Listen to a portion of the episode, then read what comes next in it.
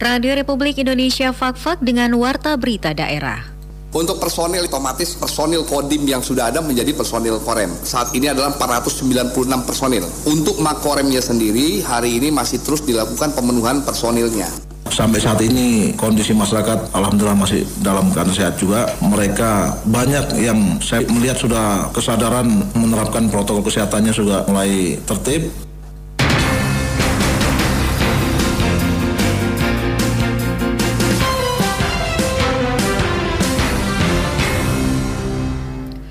Sari Berita dengan terbentuknya Korem 182 Jasira Onim diharapkan dapat meningkatkan kemampuan satuan kewilayahan dalam melakukan pembinaan teritorial guna menghadapi berbagai tantangan tugas ke depan. Situasi Kamtipmas di Fakfak di awal tahun 2021 dinilai cukup kondusif. Itulah berita utama edisi hari ini, Jumat 15 Januari 2021 selengkapnya bersama saya Rifanti.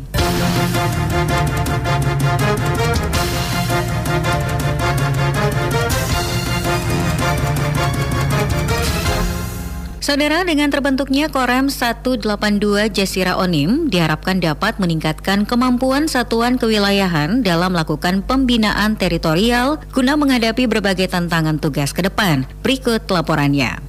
Saudara Komando Resort Militer Korem 182 Jasira Onim kini terus berbenah mulai pemenuhan personel, jabatan Kepala Staf Korem atau Kasrem, Kepala Seksi atau Kasih hingga perwira pertama atau upama. Pembenahan ini mulai dilakukan setelah Korem 182 Jasira Onim diresmikan oleh Pangdam 18 Kaswari 29 Desember 2020 lalu. Peresmian Korem 182 JO berdasarkan keputusan Kepala Staf TNI Angkatan Darat tanggal 23 April 2020 tentang penataan satuan dan pembentukan Satuan Baru Jajaran TNI Angkatan Darat. Demikian disampaikan dan Rem 182 Jasira Onim Kolonel Infantri Yudah Medi Dharma Safrul kepada awak media di kediaman sementara di Rumah Dinas Sekda. Diungkapkan dan Rem pembangunan markas Korem belum 100% rampung akibat pandemi COVID-19 dan direncanakan rampung pada Februari mendatang. Oleh karena itu Rumah Dinas Sekda Fakfak dijadikan kantor sementara. Mungkin insya Allah kalau bulan-bulan Februari kantor sudah selesai kami bergeser ke sana. Masih dalam proses finishing Pak, karena kan kita tahu kemarin sempat terhenti karena ada COVID. Jadi pekerjaan sempat terhenti karena COVID. Yang pertama, yang kedua medannya juga di kiat nggak mudah kan Pak. Jadi lahannya juga tidak mudah, makanya butuh waktu yang memang tidak bisa cepat. Jadi kita bekerja, yang penting proses itu berjalan walaupun terlihat lambat ya kan, tapi hasilnya maksimal nanti. Sementara ya kita kantor tempat sekda ini. Disinggung mengenai jumlah personil, dan Rem menjelaskan untuk personil secara otomatis Kodim yang ada di bawah kendali Korem 182 masuk menjadi personil Korem. Sedangkan untuk Makorem idealnya adalah sekitar 300 orang personil. Untuk personil otomatis personil Kodim yang sudah ada menjadi personil Korem. Saat ini adalah 496 personil. Untuk Makoremnya sendiri hari ini masih terus dilakukan pemenuhan personilnya. Karena untuk pangkalan masih dalam proses penyelesaian. Nanti pangkalan itu jadi, personilnya juga masih dalam proses penataan. Untuk hari ini Makorem sendiri itu terdiri dari 35 personil. Yang 30 juga masih proses belum datang ke sini. Jadi yang ada baru 6 ditambah ada 11 personil lagi yang sudah datang. Jadi sementara masih 36 dan itu akan terus bertambah nanti sesuai dengan idealnya sebuah korem. Nanti kurang lebih sampai sekitar 300 300 lebih lah. Itu karena nanti ada peralatannya, ada perbekalannya, ada kesehatannya dan lain sebagainya, Pak. Nah, saat ini masih dalam tahap pemenuhan sambil menunggu pangkalan jadi, kemudian pemenuhan material dan personil. Kita masih menunggu semuanya dan itu sedang dalam proses. Jadi personil untuk satuan kewilayahan ini tidak bisa ditentukan tergantung wilayah. Nah, jadi kalau hari ini kita punya kodim, personil-personil Kodim itu. Jadi tergantung wilayah. Kalau terjadi lagi pengembangan tentu akan bertambah lagi dan bertambah lagi. Kolonel Infantri Yuda Medi Dharma Zafrul menambahkan visi Korem 182 Jasira Onim sesuai amanat Undang-Undang Nomor 34 Tahun 2004 tentang TNI yaitu kembalikan kedaulatan negara dan rakyat. Sedangkan moto Korem 182 adalah setiap prajurit Korem 182 Jasira Onim setiap hari berbuat satu kebaikan kepada masyarakat karena TNI adalah milik rakyat. Oleh karena itu harus menyatu bersama rakyat. Demikian Niko Flobun melaporkan.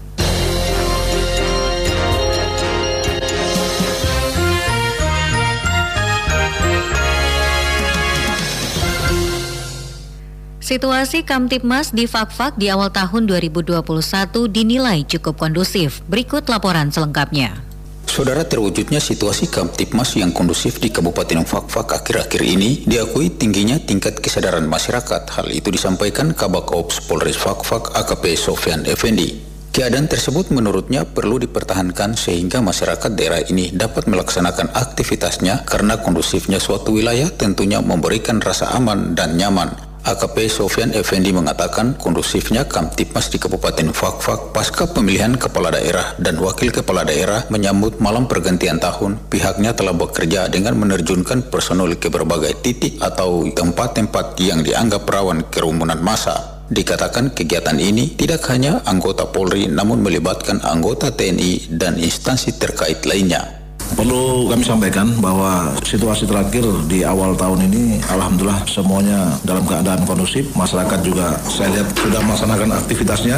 Pesan-pesan dari kami selaku aparat kepolisian di Polres Pasfal ini Ikuti dan uh, ciptakan kondisi yang kondusif. Hindari berita-berita hoax yang tidak bertanggung jawab. Jangan sampai kita di kabupaten yang sudah tenang ini ada oknum tertentu yang menghembuskan atau menimbulkan berita-berita hoax. Situasi maupun kondisi yang sekarang saat ini masih dalam pandemi apakah grafiknya meningkat ataukah menurun ataukah tetap? Nah, itu alhamdulillah uh, jangan sampai kemarin kita dari pimpinan Polri juga mencemaskan itu. Tapi alhamdulillah sampai saat ini kondisi masyarakat alhamdulillah masih dalam keadaan sehat juga. Mereka banyak yang saya melihat sudah kesadaran menerapkan protokol kesehatannya sudah mulai tertib Kabak Ops Polres Fakfak Sofian Effendi menjelaskan langkah yang dilakukan untuk mencegah tingkat kriminalitas masyarakat yaitu pihaknya mengedepankan langkah pencegahan secara dini. Dihimbau kepada masyarakat Fakfak agar tetap menjaga situasi Kamtipmas dengan tidak terprovokasi oleh oknum-oknum yang tidak bertanggung jawab.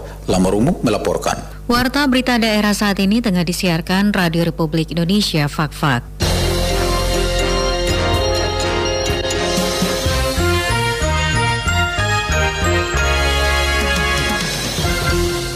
Upaya pemerintah Kabupaten Fakfak untuk membangun pelabuhan laut di distrik Karas akhirnya mulai terwujud setelah beberapa waktu lalu pemerintah berlogo Buah Pala ini mengibahkan lahan seluas 1.504 meter persegi kepada Kementerian Perhubungan RI. Dengan penyerahan lahan seluas itu, maka saat ini Dirjen Perhubungan Laut Kementerian Perhubungan RI melalui pihak kedua mulai melaksanakan pembangunan pelabuhan laut di distrik Karas dengan tahap pertama yakni pemasangan tiang pelabuhan. Dengan dimulainya tahap pembangunan pelabuhan laut tersebut, maka besar harapan masyarakat untuk menikmati transportasi laut yang layak dan hasil-hasil pertanian maupun perikanan juga dapat dengan mudah dikirim ke Fakfak sebagai ibu kota kabupaten. Kepala Distrik Karas, Soleman Temong Mere mengatakan proyek pembangunan pelabuhan laut di distrik Karas yang dibiayai Dirjen Perhubungan Laut Kementerian Perhubungan saat ini telah dimulai proses pengerjaannya. Menurut Kepala Distrik, pembangunan pelabuhan laut tersebut disambut baik masyarakat Karas karena pelabuhan tersebut akan berfungsi sebagai pelabuhan sentra ekonomi kewilayahan serta dapat mempermudah masyarakat Karas dalam mengirim hasil pertanian maupun hasil laut ke Fakfak. Dikarenakan selama ini belum adanya pelabuhan di distrik Karas, maka hasil pertanian agak sulit didistribusi ke Fakfak.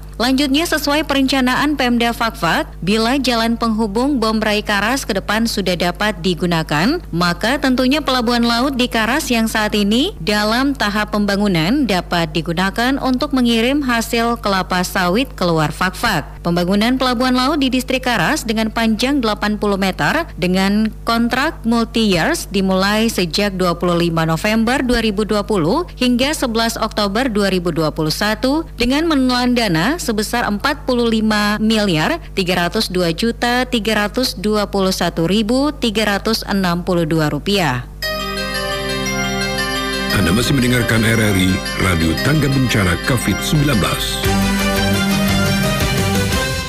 Saudara sebanyak 50 anggota pemandu wisata di Kabupaten Fakfak dan Kaimana akan mengikuti sertifikasi uji kompetensi pramuwisata di tahun 2021. Ketua DPC HPI Kabupaten Fakfak, Prayogo Kusumo mengatakan, uji kompetensi ini merupakan bagian penting dari pramuwisata. Bagi pemandu-pemandu wisata yang ada di daerah ini yang bekerja sama dengan lembaga sertifikasi profesi Pramindo serta difasilitasi oleh DPD HPI Provinsi Papua Barat. Dikatakan, tujuan dari sertifikasi kompetensi bagi pemandu wisata adalah untuk menguji kelayakan pramuwisata di lapangan, baik orientasinya pada bidang ekowisata, pemandu selam, wisata sejarah budaya, serta beberapa spesifikasi-spesifikasi yang ada pada lembaga sertifikasi profesi. Kompetensi ini adalah bagian penting dari pramuwisata khususnya kami yang profesi sebagai sebagai pemandu. Ya, HP Fakfak juga berkesempatan untuk kerjasama uh, melalui LSB Pramindo yang difasilitasi oleh DPD Provinsi Papua Barat akan melakukan sertifikasi kompetensi di Fakfak. Tujuan dari sertifikasi kompetensi ini untuk uh, menguji kelayakan pramuwisata di lapangan. Jadi uh, dengan basically mereka sebagai pemandu itu akan lagi diperkuat kuat dengan uji kompetensinya yang orientasinya itu ada ke ekowisata, ada pemandu selam, ada ke pemandu sejarah budaya dan beberapa uh, spesifikasi-spesifikasi yang ada pada LSP nanti. Untuk promo wisata juga memang kita akan payakan buat teman-teman pemandu begitu juga yang ada di kabupaten atau ada yang di kampung-kampung di beberapa objek-objek yang akan kita prioritaskan sebagai pemandu untuk uji kompetensi nanti. Ia menambahkan penilaian pada sertifikasi atau uji kompetensi pramuwisata akan dinilai sebanyak tiga orang asesor untuk menguji kelayakan pemandu wisata yang mengikuti uji kompetensi tersebut. Sementara bagi pemandu wisata yang dinyatakan lulus atau berkompeten akan mendapatkan sertifikasi yang diterbitkan langsung oleh Kementerian Pramuwisata dan Ekonomi Kreatif lewat LSP Lembaga Sertifikasi Profesi yang nantinya dapat menjadi pegangan bagi pramuwisata wisata sebagai legalitas kompetensi untuk memandu wisata. Sekian Warta Berita Daerah Produksi Radio Republik Indonesia Fak-Fak.